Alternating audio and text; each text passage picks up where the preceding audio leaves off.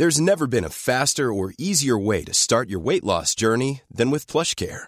PlushCare accepts most insurance plans and gives you online access to board-certified physicians who can prescribe FDA-approved weight loss medications like Wigovi and Zepbound for those who qualify. Take charge of your health and speak with a board-certified physician about a weight loss plan that's right for you.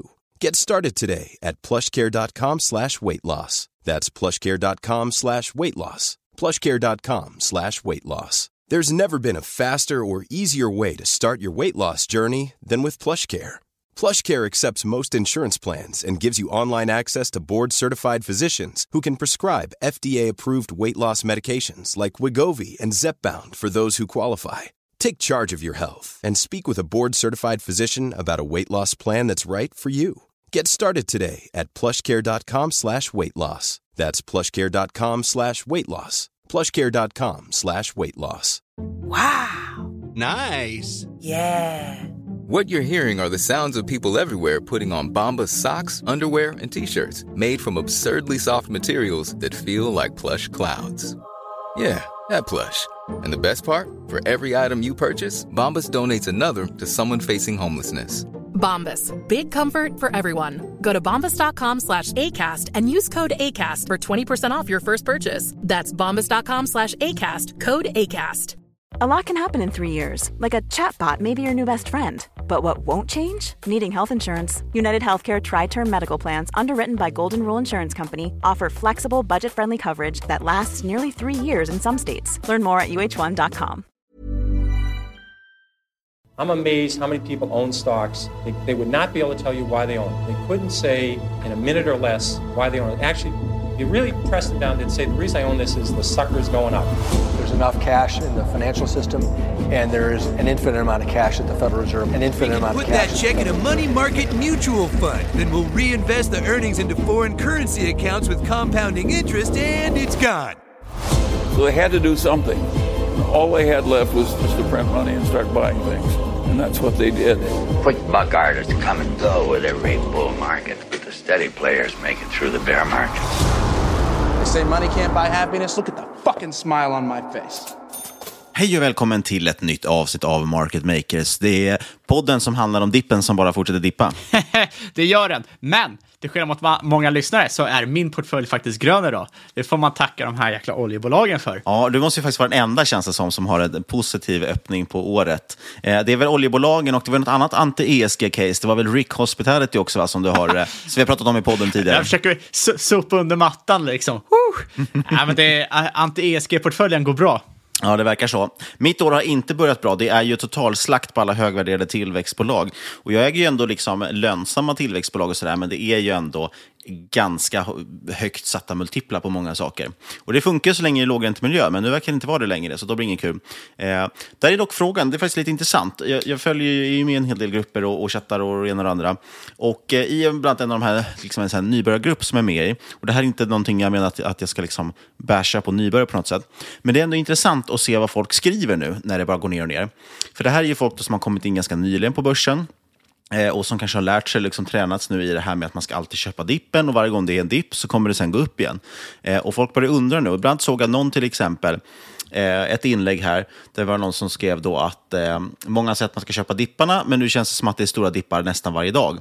Eh, hur ska man liksom göra här? Ska man fortsätta köpa eller ska man vänta in en jättedipp?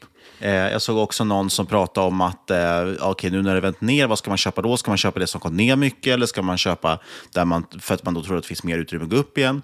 Eller ska man satsa på något liksom större, välkänt bolag och sådär? Och det är intressant, det här är ändå en genomgående trend. Man kan lära sig någonting av det här.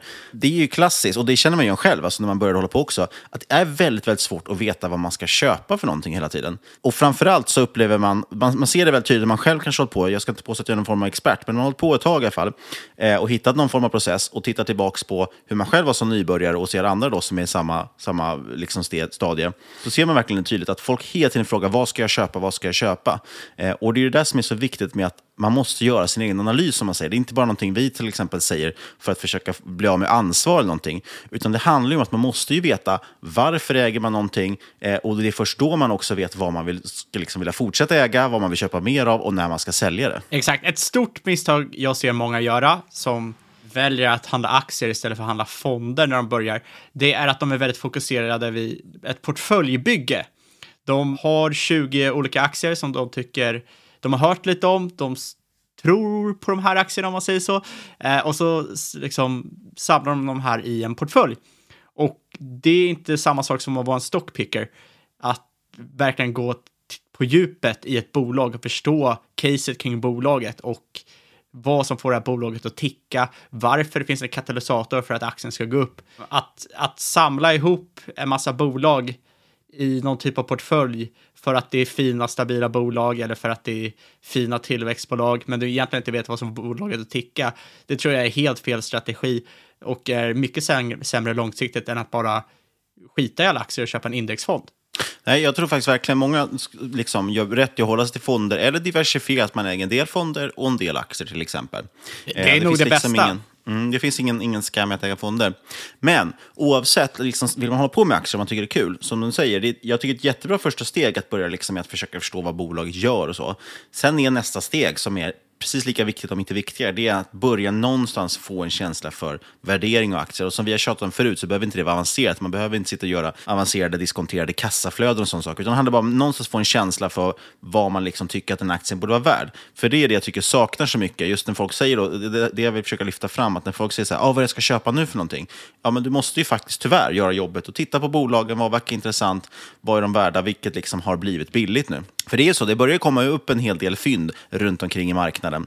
Eh, och mycket saker som faktiskt, trots att det kanske har halverats, fortfarande är jätte, jätte övervärderat. I grund och botten så kan man ju koka ner egentligen allt inom finans till eh, nuvärdesmetoden.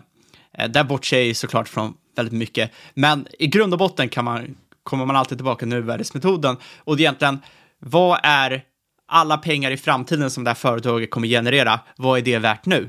Och det är det man måste ha i baktanken när man sitter och värderar sina bolag, när man sitter och kollar på case.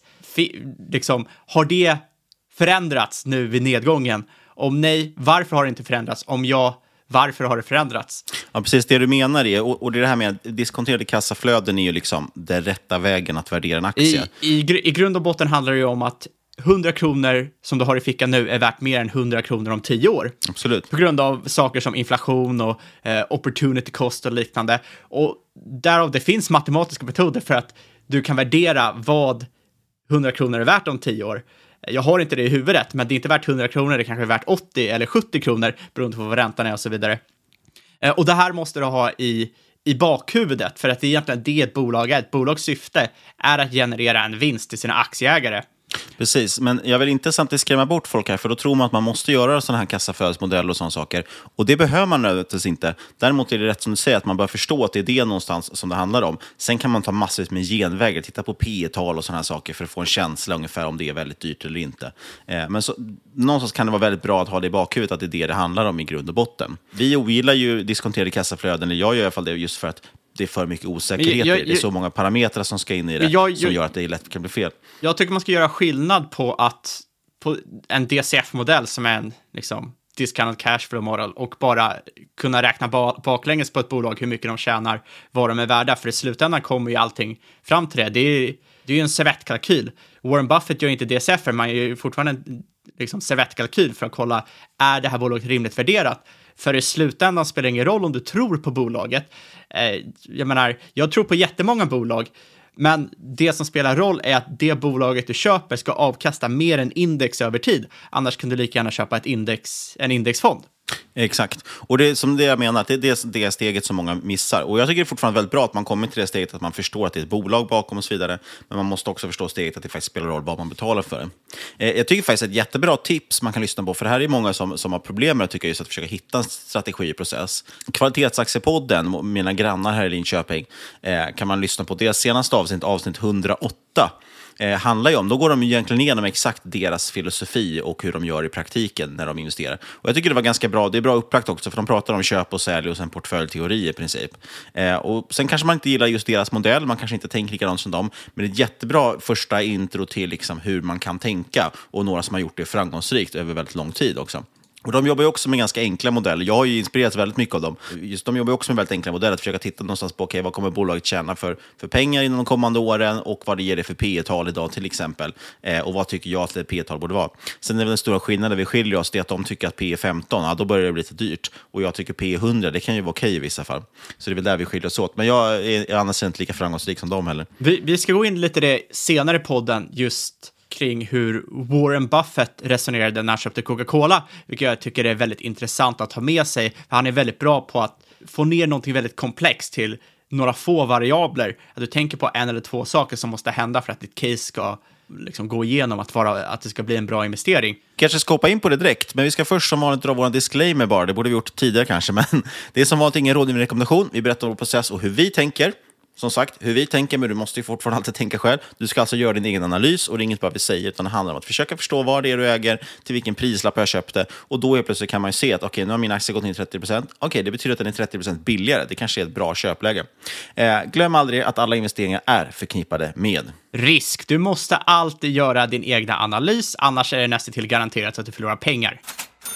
Och den här veckan är vi sponsrade av Learning to Sleep som nu precis anslutit sig till Aktier, AXYER, som vi pratade om tidigare, vår favoritapp, aktier.com. Och de har anslutit sig nu till Aktier, Learning to Sleep, för att stötta ett bättre och säkrare börsklimat där man kan diskutera aktier på ett bättre sätt med bland annat konton verifierade med BankID så att det inte håller på med marknadsmanipulation och sådana saker som har varit ett väldigt stort problem. Learning to Sleep behandlar kroniska sömnbesvär via sin egenutvecklade app och plattform. Den här lösningen den är unik inom området och kombinerar digital digital behandling med mänsklig kontakt via en psykolog, där patienten följs upp veckovis av psykologen. Och den här plattformen är intressant för den bygger både på extern och egen forskning. Och bolaget själva tipsar om att man ska hålla utkik efter resultatet från forskningsstudien eh, som Learning to Sleep har gjort tillsammans med Karolinska Institutet som släpps under Q2 2022. Learning to Sleeps kliniska utvärderingar visar att 94 procent av de som går igenom behandlingen får en säkerställd sömnförbättring, vilket faktiskt är best in class. Och affärsmodellen är väldigt likt många andra digitala aktörer inom e-hälsa. Patienten betalar en avgift, 100 kronor per samtal i det här fallet, och resterande ersättning kommer från regionen, vilket har visat sig vara en fungerande modell i Sverige. 95 procent av patienterna får Learning to Sleep in själva, men allt större växelnedel kommer från rekommendation av läkare och samarbetspartner. Nyligen ingick Learning to Sleep ett pilotprojekt med börsnoterade Sleep Cycle för att utvärdera om Learning to Sleep kan komplettera Sleep Cycles erbjudande på svenska marknaden. Och Sleep Cycle är en plattform slash app för sömnanalys. De har över två miljoner månatliga aktiva användare i över 150 länder. Ja, jag har själv varit medlem där. Då är du en av de totalt 2 miljarder nätter med sömnstatistik som Sleep Cycle har, som används för att få viktiga insikter kring sömnen. Och det här pilotprojektet löper fram till slut på maj 2022 och kan förlängas vid goda resultat. Learning to Sleep tar nu in 11 miljoner kronor i samband med att man ska göra en IPO, alltså en börsnotering. Och majoriteten av likviderna kommer att gå till marknadsföring för att etablera varumärket i Sverige. Man har även planer på framtida expansion in i USA eller Storbritannien samt att utveckla en prenumerationsmodell för psykologer och terapeuter. Sömn är en växande och oexploaterad marknad värd nästan 4 400 miljarder dollar enbart i USA. Och Learning to Sleeps modell är skalbar, det är en white label-lösning, den är nischad och bolaget anser att de är helt rätt positionerade för intåg på till exempel USA-marknaden. En av Learning to Sleeps investerare Patena Investment Funds säger det här om bolaget. We believe that learning to sleep's digital sleep treatment with a human interaction as a differentiator is world leading and we see true global potential. Och just nu pågår Learning to Sleeps teckningsperiod och teckningen pågår fram till den 25 januari. Ladda gärna ner appen Aktier, AXYER, länk i avsnittbeskrivningen för att läsa mer om Learning to Sleep. Vi säger stort tack till Learning to Sleep. Ja, och då glider vi in på veckans tre snabba. Eh, och eh, först vet jag att du vill prata lite om Warren Buffett. Du har eh, tydligen kollat på allting som finns på Netflix och Disney+. Så nu har du gett dig på Berkshire Hathaways gamla årsstämmor, eller?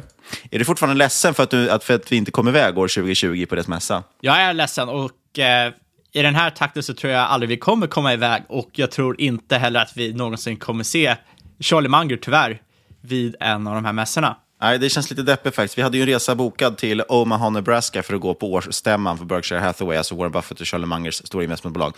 Men det vart ju inställt. Det var ju någon form av coronapandemi som bröt ut där. Jag vet inte om ni känner till den? Ja, det var jäkligt eh, synd. Har jag sagt förresten att Charlie Munger vet vem jag är? Ja, just det, för han läste en bok där du var med i. Ja, precis. Har jag tagit upp det i podden? Nej, det har du inte. Annars, det är annars tar jag upp coolt. det nu. Ta, ta upp det. Ja, ja, nu har jag tagit upp det. Men vilken bok är det? Varför, varför vet han vem du är? Hur? Hur vet du att han vet vem du är? Äsch, om du ändå frågar så kan jag berätta. Alltså jag hade inte tänkt ta upp det själv, men nu när du frågar så. Jo, men så här var det. Vi hade ju i avsnitt 167 hade vi med Daniel Changs verktygslåda för investerare. Han har skrivit en bok som heter En Investment Thinking Toolbox, som vi pratade om. Och eh, rätt roligt faktiskt. Sen hade Charlie Munger varit med och pratat hade på någon mässa eller någonting så digitalt. Och då noterade Daniel att hans bok låg ju faktiskt bredvid eh, Charlie Munger i bakgrunden. Så han har antagligen läst boken. De läser ju väldigt mycket, både Warren Buffett och Charlie Munger. De har ingen dator heller, någon av dem, säger de. Eh, utan sitter och läser åtta timmar om dagen bara. Eh, och mitt namn nämns faktiskt i den boken, för jag har skrivit ett litet utlåtande om den, så det är verkligen ingen stor claim to fame. Men jag känner att någonstans där pikade jag ändå som finansprofil, när Charlie Munger kanske har glidit med ögonen över mitt namn. Han ser i och för sig väldigt dåligt, det ser man på hans glasögon, så han kan ju ha missat det. Men det, hoppet lever än. Ja, det är coolt hur som helst. Ja, jag kommer leva på det länge. Men om vi går tillbaka till tre snabba då. då. Eh, nu i veckan, så när jag scrollade på Twitter, så såg jag en liten film från Berkshire Hathaways annual meeting från 1998. Och det som var intressant med det här var att Warren Buffett, han diskuterade sin investering i Coca-Cola. Och eh, den filmen framhävde verkligen Buffetts förmåga att kunna ta komplexa idéer och verkligen koka ner tesen till några få variabler. Så Buffetts tes i grund och botten för Coca-Cola handlade om två saker. Det var antalet sålda enheter, alltså burkar och flaskor med Coca-Cola, och antalet utestående aktier i bolaget. Och hans tes var att om antalet sålda enheter går upp och antalet utestående aktier går ner, till exempel på grund av eh, återköp av de här aktierna, så var Buffetts analys att det här skulle bli en bra investering på sikt. Och det här var innan Coca-Cola hade, liksom, innan det var ett jättemoget bolag, innan de hade maxat sin internationella expansion som de har idag, vilket var en del av tesen såklart. Och eh, självklart finns det mer till den här analysen. Det krävs mycket läsande, det krävs mycket förståelse kring ett bolag för att kunna komma fram till den här insikten. Men jag tycker att sånt här typ av tänk är otroligt viktigt för att eh, lyckas långsiktigt. Jag tror ett riktigt bra case ska inte kräva 300 sidor med analys och eh, hur många variabler som helst som måste gå rätt. Du ska ha en, två, tre variabler som måste liksom go home, som du får en homerun på och där går caset i mål. Nej, men, och det där stämmer ju väl överens med till exempel det Peter Lynch säger också.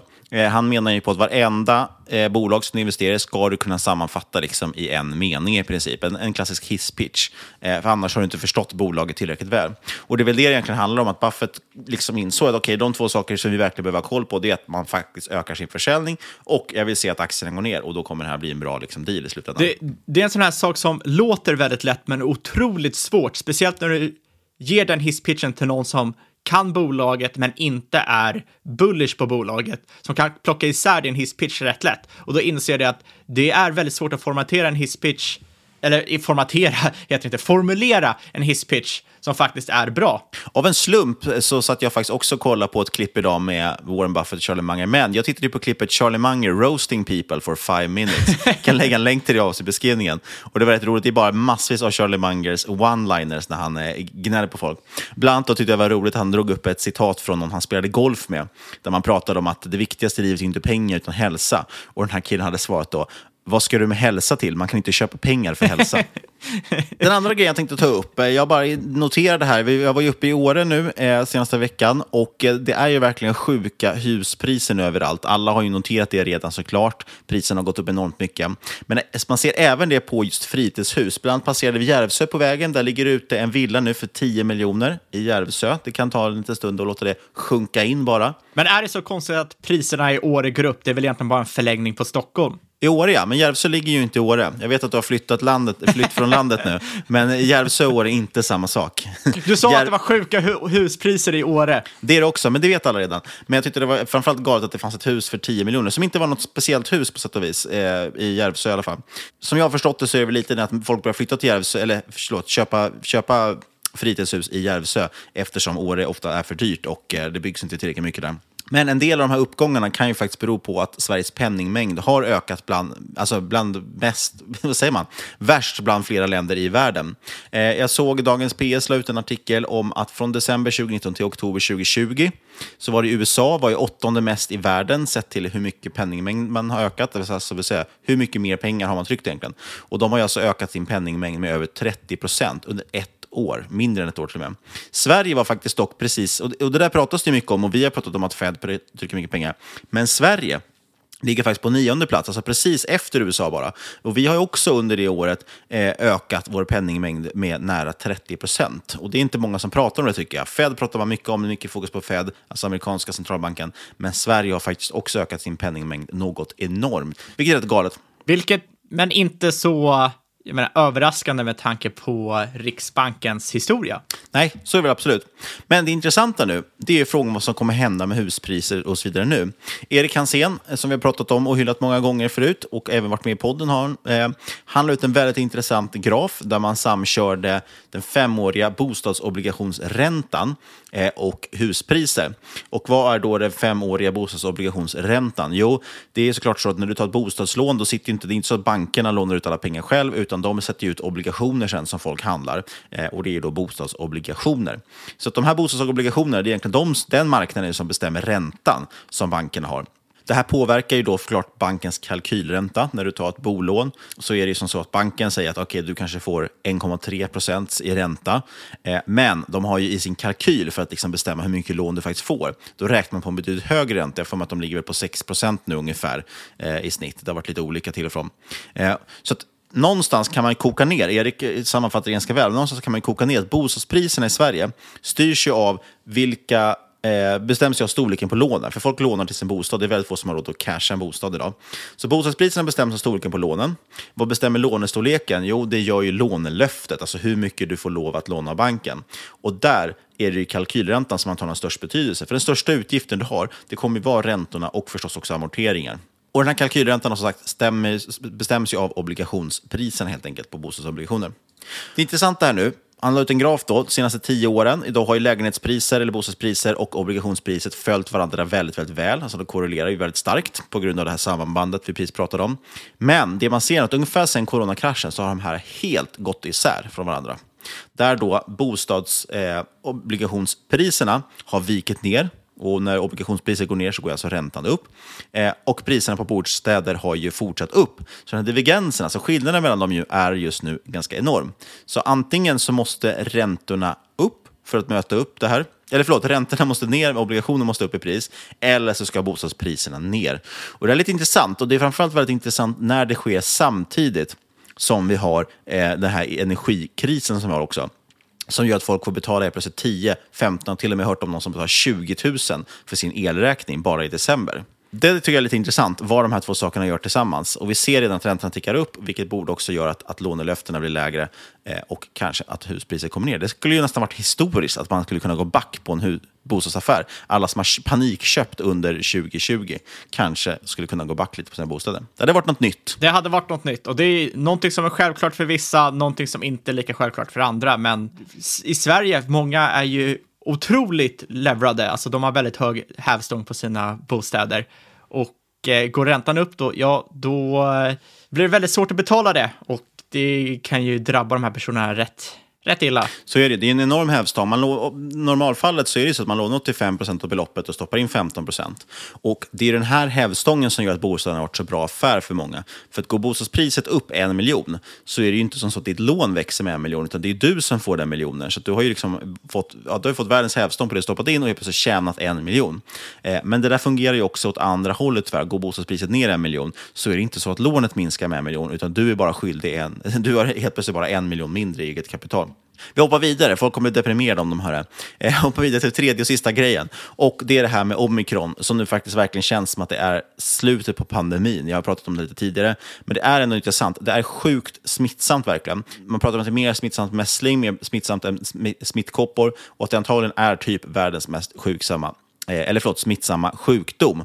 Men det som också är intressant är att den är extremt mild. Och den här smittsamheten eh, är, ju, är ju väldigt intressant, för det den gör det är att typ ingen annan mutation av corona kan just nu konkurrera med omikron, eftersom den är så extremt smittsam. För det får liksom, ingen annan får ju fäste.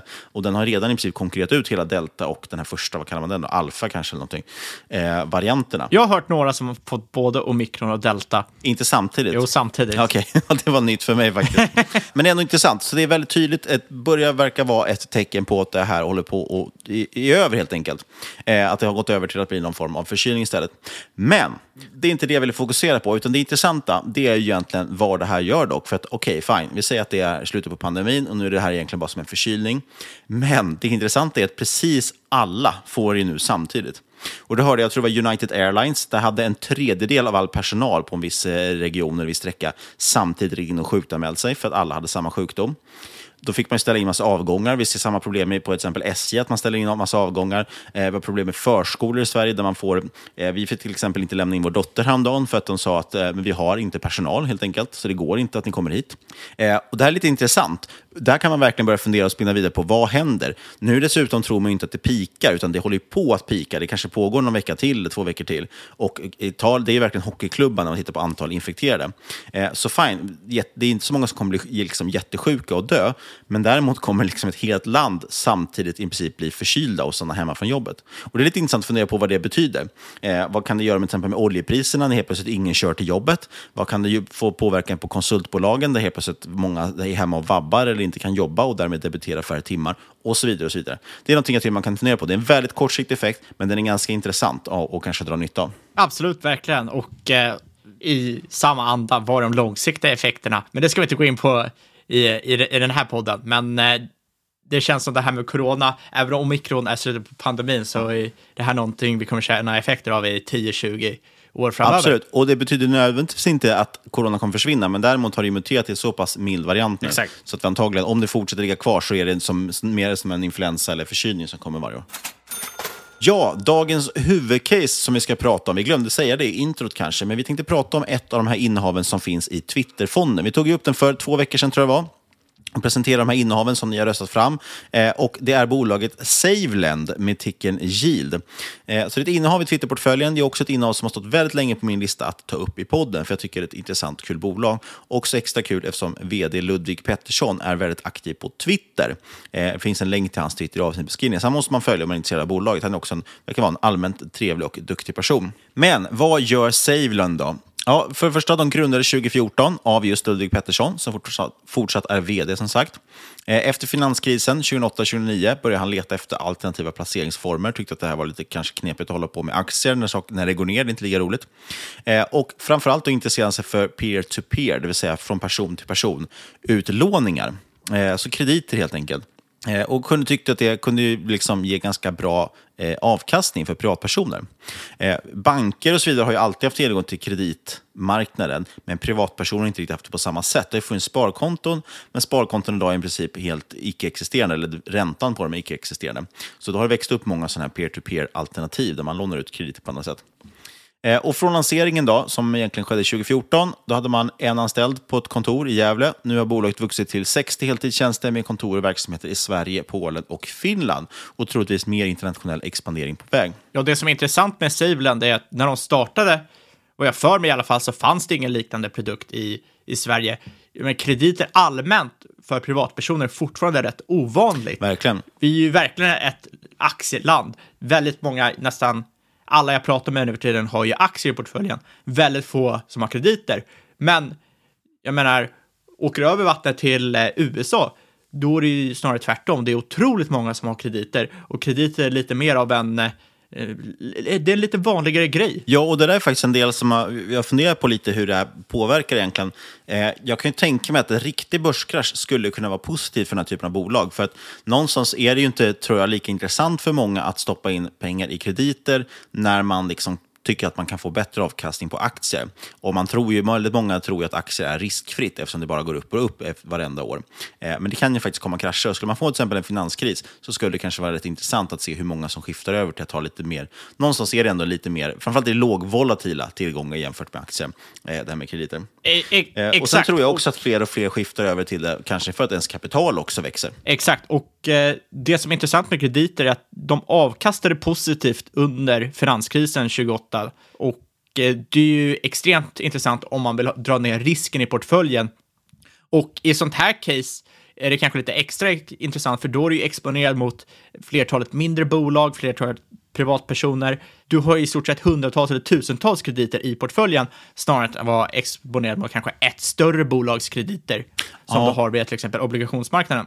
Exakt, och det där är faktiskt en jätteviktig punkt. Eh, just som du säger, dels finanskrisen, jag vet, att Say, eh, jag vet att Lendify som är en stor konkurrent, de har ju lagt ut statistik om att under finanskrisen så tappade de bara 1-2% av sina lån.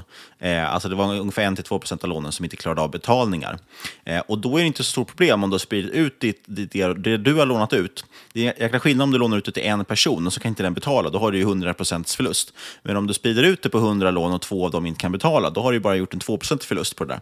Och Eh, det- det är ganska stor skillnad. Och det viktiga här då är ju är att plattformen i grund och botten är bra på att ta in rätt krediter så att det inte blir som till exempel finanskrisen då du lånar ut hus till mängd personer som inte kan betala på de här husen eh, över tid och eh, som leder till någon typ av eh, konkurs eh, situation för företaget, vilket jag inte tror är fallet för eh, Saveland. När jag läste om dem så har de, de är väldigt hårda på vilka de tar in, de realiserar kreditförluster eh, löpande.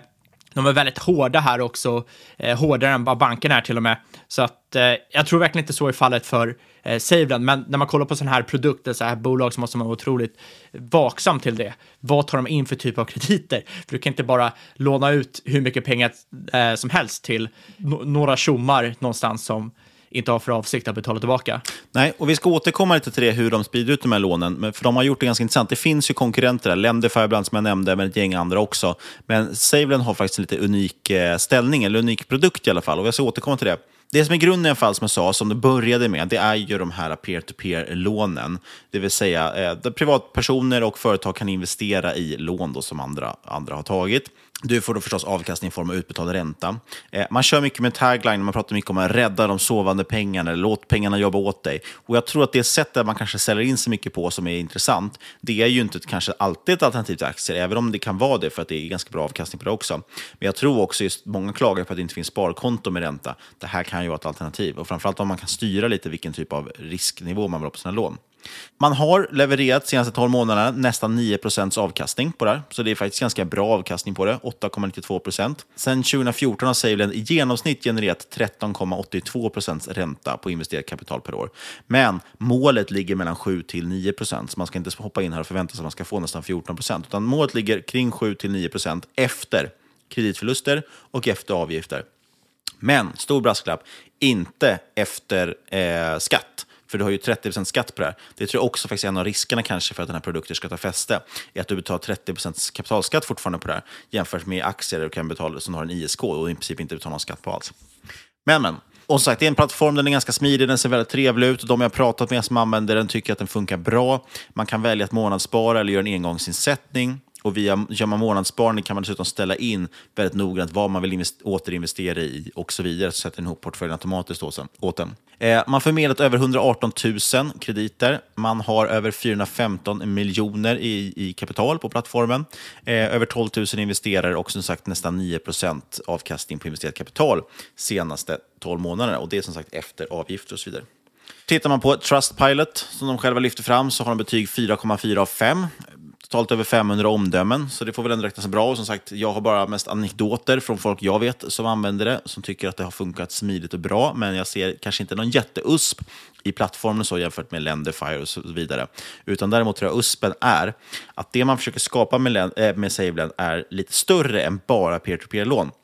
För man vill egentligen skapa ett helt ekosystem där sparare och investerare, företag och konsumenter effektivt ska liksom kunna mötas och dra nytta av varandra.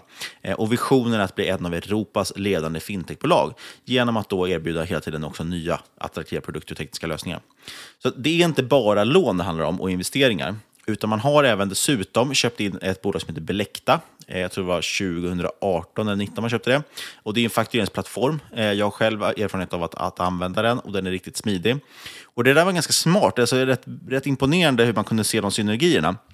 För att ta ett bolag som har olika typer av faktureringstjänster, alltså hjälper bolag med liksom att kunna pricka av fakturer, skicka ut fakturer, stämma av mot banken och så vidare. Det är, liksom en, en, eh, det är en produkt man egentligen kan använda väldigt väl, till exempel integrerad med Fortnox, till exempel, där man har på med bokföring, så kan man via Belecta sköta hela faktureringsdelen. Eh, men i och med att man har det, så vill man ju, då kommer man på att okay, men då skulle vi kunna integrera allt det här med SaveLend och direkt i Belecta också erbjuda finansiering på olika sätt. Alltså att man köper fakturer, eller man erbjuder bolagen liksom eh, finansiering på de här fakturorna och så vidare. Okej, och vilka är det då som tillför kapitalet till finansiering? Jo, det gör ju våra investerare på plattformen. Så helt plötsligt går det från att bara, från att bara kunna investera till andra privatpersoner för man kan ju verkligen ifrågasätta sig varför tar privatpersoner de här lånen, ibland upp till kanske 20 procents ränta och så vidare. Ja, det är ju för att köpa en båt eller ta ett blankolån för en kontantinsats eller för att de har ett spelmissbruk eller någonting, vad vet jag. Eh, men alltså, det finns ju liksom, man kan alltid undra varför lånar folk pengar.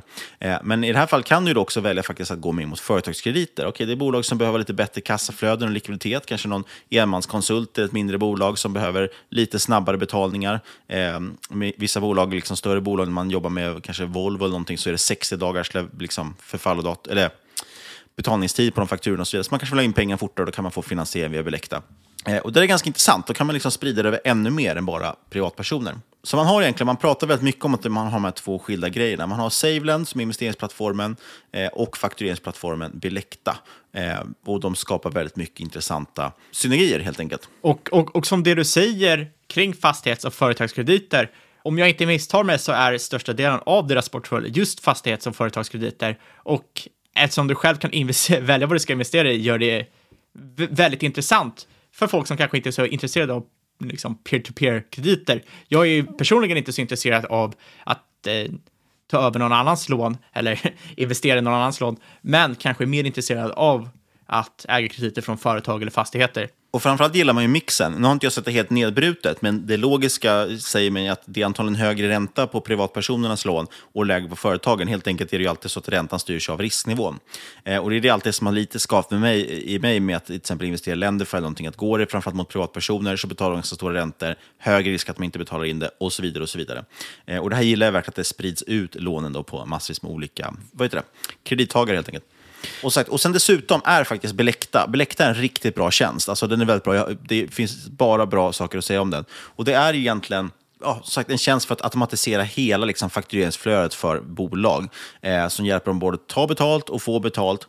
Eh, och ja, så det, det, liksom blir, det blir liksom i sig en, en helt separat tjänst som är liksom en SAS-tjänst. Apropå det här med Warren Buffett, att han ville mäta två saker, återköp av aktier, eh, och, eh, eller antalet aktier och antalet sålda colaburkar, så jobbar ju också SaveLend med att det är två stycken nyckeltal man pratar om. Eh, och nu bara för det så har jag glömt bort vad de är. Men jag har för mig att det är kapital på plattformen, och då pratar man om SaveLend och investeringsplattformen. Eh, och det andra är ju antalet fakturer tror jag man hanterar. Man tar betalt per faktura om inte jag minns fel i Belecta. Så det är faktiskt en jättebra produkt, men dessutom är det fint att man har sytt ihop de här och skapar väldigt mycket synergier. Redeye, enda bolaget som följer, vi ska återkomma till det, eh, men de pratar om att den här marknaden för investeringsplattformen helt enkelt, alltså alternativa låne och kreditmarknaden kan man säga, den är enligt Statista ska den växa i Norden med en kagger, alltså en årlig genomsnittstillväxt på ungefär 11 procent mellan 2017 och 2025. Eh, så marknaden taktar på drygt 10 procent per år i sig. SaveLend vill förhoppningsvis växa lite snabbare än det. Den europeiska marknaden, om man tittar på den, den ska växa under samma period kring 8 procent. Så i Sverige växer lite snabbare, men hela Europa växer nästan tvåsiffrigt. Eh, och det där är också intressant förstås när man breddar sig ut mot Europa. SaveLend då, de är ganska nya på börsen, noterades på First North under 2021 i juni. I princip faktiskt flat sen dess, det har inte hänt någonting. Den noterades, jag kommer inte ihåg teckningskursen, men aktien handlades kring nästan 9 kronor på, på första handelsdagen. Sen har den ju... Noterades runt 7 har jag för mig. Det kan säkert stämma. Den handlades i alla fall runt 8,90 någonstans på första handelsdagen. Det var stängningskursen. Och sen har den ju liksom tokrasat ner från det, kanske till 6 kronor eller någonting. Och nu har den gått upp igen, så nu handlas den igen i ungefär 8,90. Så vi säger 9 kronor jämnt för enkelhetens skull. Den har alltså utvecklats, utvecklingen har varit noll i princip sen start, men med väldigt mycket volatilitet under vägen. Eh, och det är 900 ägare hos Nordnet och 1800 Avanza, så runt 2700 privatsparare. Eh, vi ser inte hur det är på storbankerna. Ganska dålig omsättning i aktier, varit lite förvånad över. Det hade jag inte tänkt på riktigt. Det är runt, idag till exempel, vi spelar in den 18 januari, så hade det omsatts runt 250 000 kronor bara en aktie. Så det är väl en ganska illikvid aktie. Det får man ta med sig. Det kan vara svårt att komma in, komma ut eh, och så vidare. Och framförallt ska man ta med sig att det är ändå ett ganska litet bolag. De är i en tillväxtfas.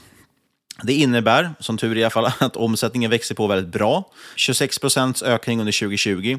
63 procent växte omsättningen 2021. Eh, då har jag inkluderat estimat från Redeye för sista kvartalet, för det har inte släppts än. Nu är det en sjukt kort period, men slår man bara ut genomsnittet där en liten kagger så är det drygt 40 procent man har växt de senaste åren. Eh, man kan titta på tidigare siffror, det går förstås att få fram dem. Men jag tycker det blir lite svårt att jämföra eftersom det här förvärvet av Bilekta påverkar så otroligt mycket. Eh, och man kommer ju från väldigt låga siffror dessutom. Bolaget eh, omsätter eh, faktiskt inte jättemycket. Jag tror att i år kommer man landa på runt 92 miljoner enligt Redeyes estimat. Eh, så det är inget gigantiskt bolag än. Men poängen är för att man kommer från ganska låga siffror, man har väldigt höga tillväxttal, eh, de växer på väldigt bra eh, och bolaget har också förvärvat ganska mycket omsättning och det kommer antagligen fortsätta förvärva omsättning. Man kommer ut med lite finansiella mål. Man säger att man ska min växa minst 25 procent organiskt per år fram till år 2025. Vi pratar om att marknaden växer runt 10 procent per år. Man vill själva växa 25 procent per år. Man har överlevererat på den punkten än så länge. Och dessutom är det organisk tillväxt. Och utöver det så förhoppningsvis ska man ju också göra förvärv. Eh, men förvärven kompenseras ju till viss del att man har utspädning i aktierna förstås också. Tyvärr då, som sagt, bolaget är i tillväxtfas och det betyder att man växer omsättningen väldigt mycket, men det betyder i det här fallet också att man gör ganska stora förluster. Och dessutom förlusterna har ökat i takt med omsättningen. Så att omsättningen har ökat och då har förlusten ökat. Och det gillar inte vi riktigt att se. Men som sagt, jag tror man ska ta med sig att bolaget är väldigt tidigt faktiskt. Eh, I, i, i ett väldigt tidigt stadie, eh, där de här förvärven och sådana saker tynger resultatet väldigt mycket. Så det här är någonting tror jag som kommer liksom, synas mindre och mindre över tid förhoppningsvis. 2019 var i alla fall femte året i rad med stigande omsättningen och nu har vi 2020 på bordet och bara ett kvartal kvar av 2021. Och allt det här visar också på stigande omsättning. Så sju år i rad har man i alla fall haft stigande omsättning, vilket man får verkligen säga som ett bra betyg. Och från och med Q2 2021, bara en liten notering, så har man börjat ge ut rapporterna på engelska också tycker jag är lite intressant. Man vill kanske ut nu till lite mer internationell publik. Kanske gör också att man börjat gå in i Finland, att man vill kanske kunna nå investerare där. Och som sagt, just man kommunicerade ut nya finansiella mål. Man har varit ganska duktig på det hela tiden har finansiella mål, men man har adderat saker där hela tiden så att man liksom breddar det. Från början pratade man bara om omsättning, nu börjar man prata om ebitda, marginal och så vidare. Och man la ut också eh, att man vill just etablera sig i flera marknader i Europa. Finland tillkom i 2021, om inte jag minns fel. Eh, och som sagt, nettoomsättningen ska växa 25% organiskt per år, minst. Det betyder att det man siktar på att 2025 ska man ha en nettoomsättning på 300 miljoner kronor.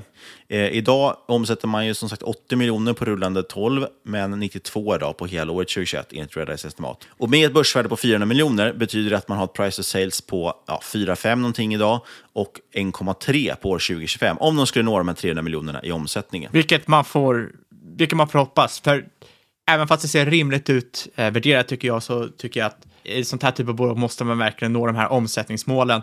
300 miljoner kronor känns inte så mycket att be om, så att det gäller verkligen att de kan ligga i och nå de här målen. Det känns väldigt kritiskt i den här fasen. Ja, och då har vi ju sagt inte räknat med förvärv. Det är jättesvårt att räkna på den potentialen, men den finns ju det också som en option. Men som sagt, då kommer man ju också behöva antagligen finansiera det viss med, del med, med nyemissioner. Eh, man pratar ju om att organisk tillväxt ska finansieras med egna medel, men förvärv görs med egna medel, riktade emissioner och lån. Så där kommer man ju på sätt och vis bli lite utspädd också. Eh, så det, men förhoppningsvis så ska det väl vara en plusaffär att göra förvärv. Eh, det är många som tror det. I och med att de här serieförvärven har gått upp så mycket på börsen så är det många som tror att förvärv är gratispengar, men det funkar inte riktigt så. Framförallt inte om man finansierar just med emissioner. Då är, måste man ju alltid liksom, okej, okay, vi tar in pengar här eh, späder ut dig, Varför tillför det här förvärvet värde?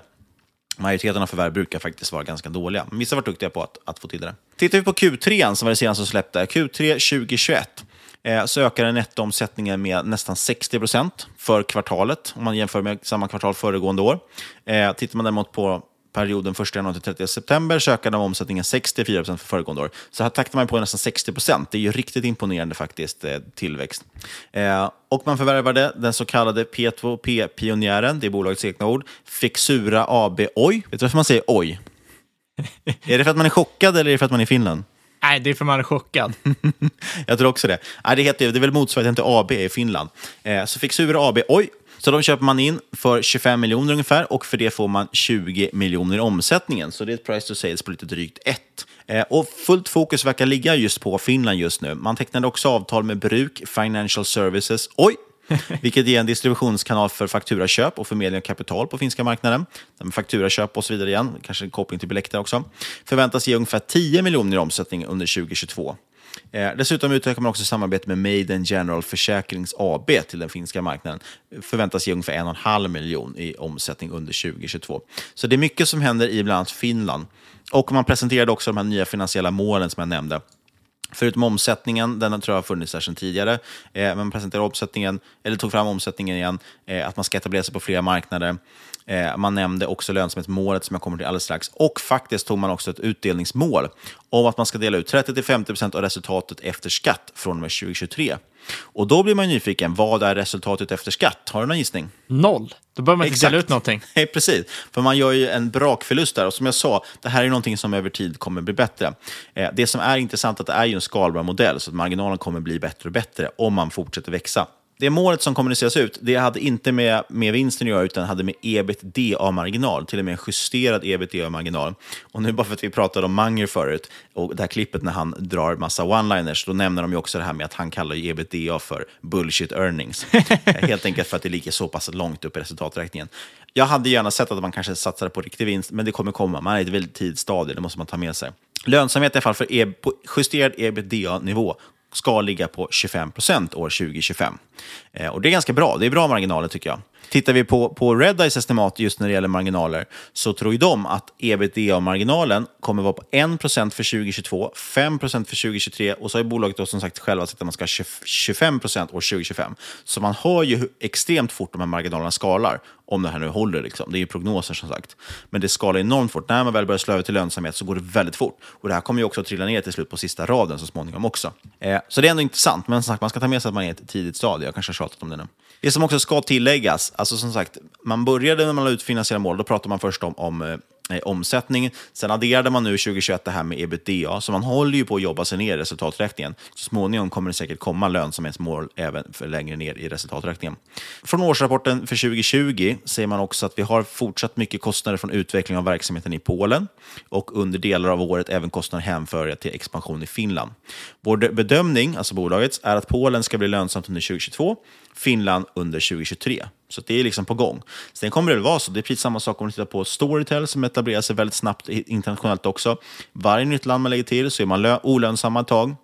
Samma sak i Played, men man får hela tiden hålla koll på de här gamla marknaderna, att de faktiskt går efter lönsamhet. Och här är det viktigt att bolagen rapporterar tydligt så att man får se faktiskt att okej, okay, nu är Sverige lönsamt, nu är Finland lönsamt, nu är Polen lönsamt. Okej, okay, då är det de nya länderna som tynger ner och så vidare.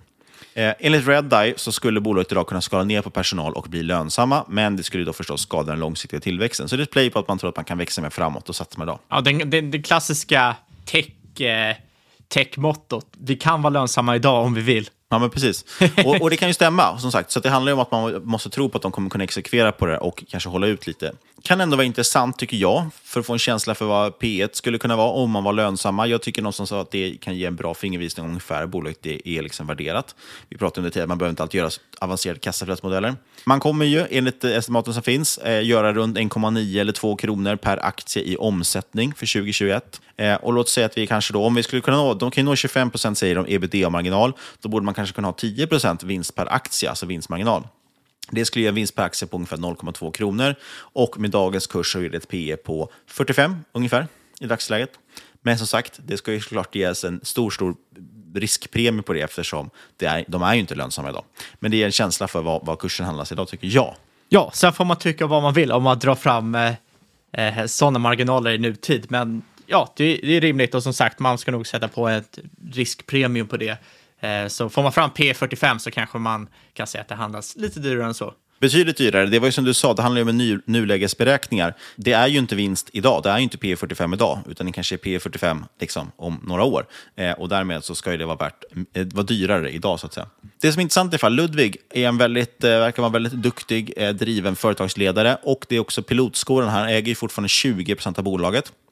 Eh, totalt är det nästan hälften av bolaget som faktiskt ägs av insiders och folk operativa i bolaget.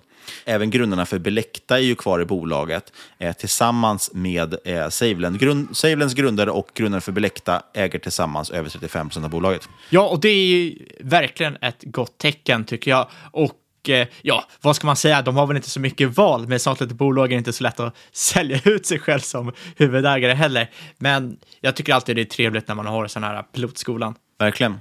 Ska vi prata lite om risker kanske? Det är alltid bra. Det är alltid bra. Mycket eh, så, sånt man lätt missar. Man vill ju oftast vara optimistisk kring case. Ja, men det första man ska säga, det är klart att det finns många konkurrenter. Om vi tittar nu på investeringsplattformen. Jag skulle säga Belecta, jag vet inte hur mycket konkurrenter det finns där, men Belecta är, tycker jag i alla fall, best in class. De är väldigt, väldigt duktiga. Eh, men på investeringsdelen och kreditdelen finns det förstås mycket konkurrens. Eh, mest känd är förstås Lendify. Det finns ju dock många andra, Mintos, Brock och allt vad de nu kan heta för någonting. Tomorrow eh, och så vidare. Det som jag tycker är fint här, som gör, som gör att SaveLend sticker ut, det är ju att de bygger en plattform med många olika krediter, som jag sa. Allt från privatpersoner till fakturaköp, företagslån och så vidare. Eh, och som sagt, man kan styra på plattformen vad man vill ha. Man kan också exponeras mot olika länder. Överlag liksom så tycker jag att det känns som att man, man bygger mer helhet här eh, på ett annat sätt. Men det betyder ändå att man kan bli utkonkurrerad av kanske länder eller så som blir mycket, mycket större. Då. Absolut, men som alltid med de här tillväxtinvesteringarna, det är egentligen mycket mer intressant att titta på vad som kommer skilja de här bolagen om 3, 4, 5, 10 år än vad som skiljer dem just nu. För att om du sitter och tänker på ett sånt här typ av bolag, sitter och tänker vad har de här för vallgrav? Ja, de kanske inte har någon vallgrav. Ja, då missar man kanske hela poängen med att komma in tidigt i ett tillväxtbolag. Har du ett stort etablerat bolag med en vallgrav, då är du inte med på deras tillväxtresa längre. I alla fall för de flesta bolagen. Sen kan vi prata om FANG och liknande som är en helt annan liga. Så, så, så det här handlar mer om att kunna fantisera fram vad kommer de ha för vallgrav om fem år snarare än vad deras vallgrav är just nu. Och det är det som kommer särskilja dem. Och det är också det som är väldigt intressant som tillväxtinvesterare, för det in, innebär ju att du kan komma in vi, liksom innan vallgraven är fullständigt etablerad, vilket kommer vara väldigt attraktivt. Ja, och det som är intressant här är att men, de jobbar ju dels med förmedlare av krediter, alltså de tar in krediter från andra håll. Eh, men sen har de ju också sina egna krediter. Just som sagt, när de till exempel lånar ut, ja såklart peer-to-peer är ju så också, men sen också när de lånar ut via till exempel de fakturaköpen och så. Så de har ju skapat en plattform där de via företag och så vidare också kan faktiskt ha en större kreditmassa att låna ut. Och därmed har de möjlighet att ta emot fler användare. Så det tycker jag ändå är väldigt intressant. Eh, aktien är också väldigt, eller, men som sagt, det finns en tuff konkurrens inom P2P-lån. Eh, sen också som jag sa, det är 30% skatt på de här. Det är lite svårt vid ett aktiegillande folk och så vidare i Sverige. Så jag tror att det är, så att krediter har lite svårt att slå sig in här jämfört med aktier. Så att, men de har ju redan attraherat väldigt mycket kunder och det kan säkerligen fortsätta. Men det är det som man kan tro var en tröskel med att få in nya kunder. Eh, annars förstås en nackdel är ju utspädning. Man gör en hel del nyemissioner och så vidare eh, för att man vill växa eh, utan att behöva tänka för mycket på lönsamhet. Man vill också växa med förvärv, vilket också gör att man måste ta in pengar. Så man måste ibland kanske försvara sin andel lite grann här. Affärsvärlden, när i samband med notering gav de två flaggor. De brukar ju alltid göra en sån liten IPO-granskning eh, och ge flaggor om någonting de ser som de inte gillar. Eh, och Då kan vi bara nämna det. Då nämnde de som första flagga var just det här med framtida kapitalbehov. Alltså kommer bolaget behöva göra nyemissioner? Jag är övertygad om att det kommer ske nyemissioner, speciellt riktade i samband med eh, förvärv. Den andra flaggan var att de tyckte att det var lite bristfällig information. Och eh, Det här kanske Ludvig har kommenterat på, så det är lite dumt att jag för sig inte plockar fram det i kommentarer. Men det de nämnde då var att eh, Savelens vd storägare Ludvig Pettersson är även delägare i Svensk Kreditförmedling AB med 15 av aktierna. Och det är relevant information runt affärsvärlden eftersom majoriteten av lånen som förmedlas via plattformen kommer från just Svensk Kreditförmedling. Det här tror jag dock har ändrats nu så att det är, kommer lite lån från andra delar. Men sagt, det är mest en, en informationsgivning som de tycker saknades. Eh, och de la även in en liten upplysning.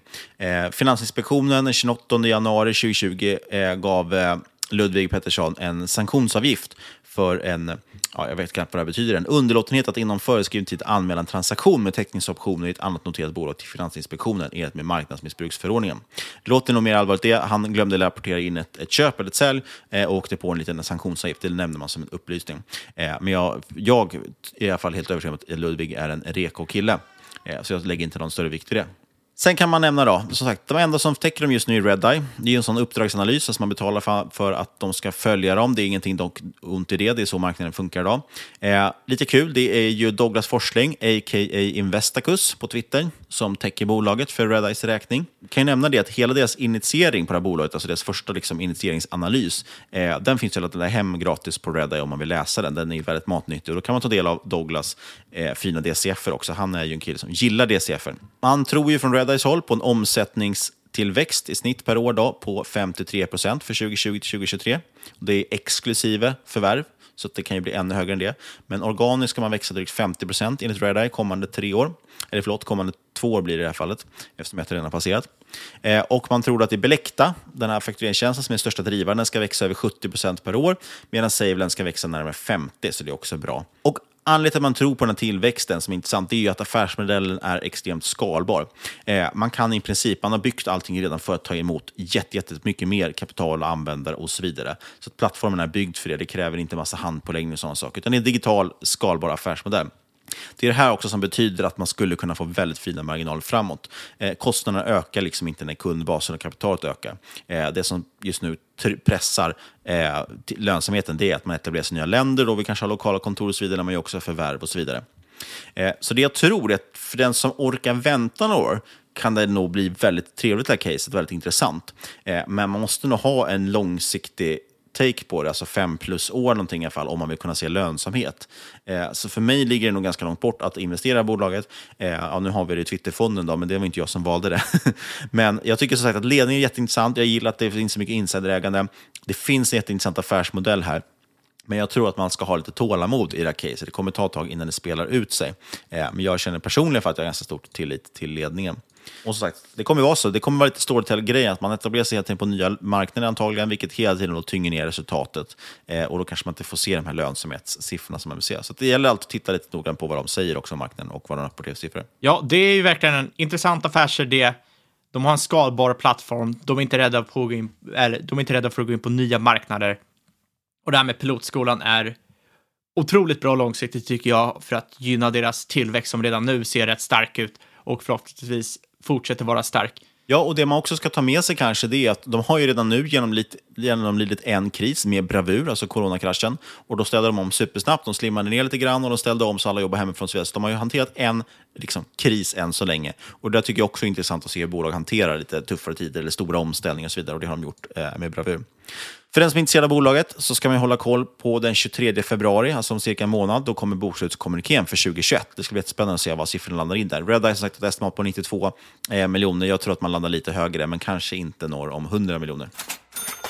Och innan vi avrundar så har vi en liten grej inför nästa vecka vi tänkte prova. Det är något nytt och spännande här. Vi håller en omröstning i aktier, alltså AXYER. Ladda ner appen till både iPhone och Android och det här om vilket... man, be man, behöver inte ladda ner den till båda. Om man bara har en Android-telefon så laddar man ner den till Android. Jo, du måste gå och köpa en iPhone och ha båda, för du måste appen installera på båda. För det boostar numren, boostar siffrorna. Då kan man prata med, med sig själv på båda. Framförallt ser det ut som att fler användare än vad som faktiskt finns. Perfekt. Eh, men i alla fall, vi ska hålla en liten omröstning där, se vad ni vill att vi pratar om till nästa avsnitt. Så ladda ner aktierappen, var med i omröstningen, se till att få med några bra och intressanta bolag. Precis, och dessutom när du ändå är inne på aktier, kolla in veckans sponsor Learning to Sleep som man kan läsa mer om där, som håller på med sin börsnotering också. Ett intressant bolag med väldigt viktig fråga, framförallt det här med sömn. Innehållsförteckning, det är framförallt Savelend vi pratat om idag. Jag äger inte aktier i Savelend, men vi har det i Twitterfonden. Och du äger ju inga aktier alls som inte är eh, ESG. Det här kanske i och för sig, eh, det har ju varit lite prat om det här med att de ibland har haft höga räntor och så. Eh, så det kanske är lite anti-ESG-case där, eller vad säger du? Nej, det tr tr tror jag inte. Så länge inte det är några tuttklubbar eller ollebaroner i, i Saveland. Nej, då är då inte Fabian är där. jag fattar. Kom ihåg, apropå det, att det inte är någon rådgivning eller rekommendation som sker i den här podcasten. Alltså, alla åsikter är våra egna, eller vår gäst och eventuella sponsorer tar inget ansvar för det som sägs i podden. Tänk på att alla investeringar är förknippade med risk och sker under eget ansvar. Glöm inte att göra en egen analys som Niklas säger. Det är ett måste om ni vill avkasta på lång sikt. Det är den enda rekommendationen vi ger, att göra en egen analys. Det kommer hjälpa dig framförallt också i både tuffa och roliga stunder på börsen att veta varför du äger det och vad du ska göra med det. Det ni hör här är 30 minuter av de 100 timmar ni borde lägga på ett bolag innan ni köper. Ja, till exempel om man själv hade gjort analysen om Savelin, då hade man också upptäckt att de samarbetar med Signsec, ett annat bolag i Twitterfonden som är börsnoterat. Eh, bara en sån sak. Exakt. Och vill ni prata mer om Signsec, lite mer om Saveland, diskutera avsnittet eller bara säga hur fruktansvärt snygga Niklas och jag är, ja, då kan ni kontakta oss på... Eller om man undrar hur aktier stavas. Exakt. Tycker vi har gjort det tydligt eller inte? då kan ni kontakta oss på podcast at marketmakers.se eller på Twitter at marketmakerspod. Eller i aktierappen, för där har vi faktiskt vårt eget marketmakers-konto nu också. Och våra privata konton. Jag lyckas äntligen få till snabel av Fabian Första plattformen någonsin jag fått till det. Bara mitt förnamn, inget jäkla efternamn. Jag är så van, så jag tror jag heter att Aldén Niklas ändå. Men när du säger det så hade jag, jag kunde ju fått att Niklas, det hade varit stort. Glöm inte att lämna en recension på iTunes. Det hjälper oss att stiga i rankingen så vi äntligen kan bli större än Sigge och Felix. Exakt. Och sist men absolut inte minst, stort tack för att du har lyssnat. Kära lyssnare, vi hörs igen om en vecka.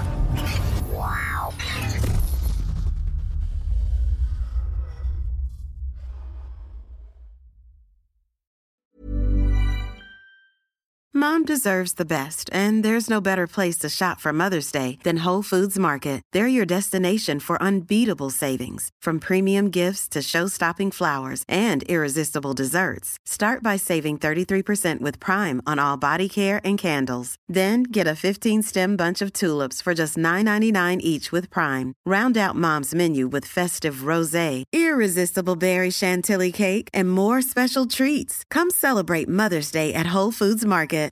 When you make decisions for your company, you look for the no-brainers. And if you have a lot of mailing to do, stamps.com is the ultimate no-brainer. It streamlines your processes to make your business more efficient, which makes you less busy. Mail checks, invoices, legal documents, and everything you need to keep your business running with stamps.com. Seamlessly connect with every major marketplace and shopping cart. Schedule package pickups and see your cheapest and fastest shipping options from different carriers. With rates up to 89% off USPS and UPS rates. And with the Stamps.com mobile app, you can take care of mailing and shipping wherever you are. Make the same no-brainer decision as over 1 million other businesses with Stamps.com. Sign up with Code PROGRAM for a four-week trial, plus free postage and a free digital scale. No long-term commitments or contracts. That's stamps.com. Code program.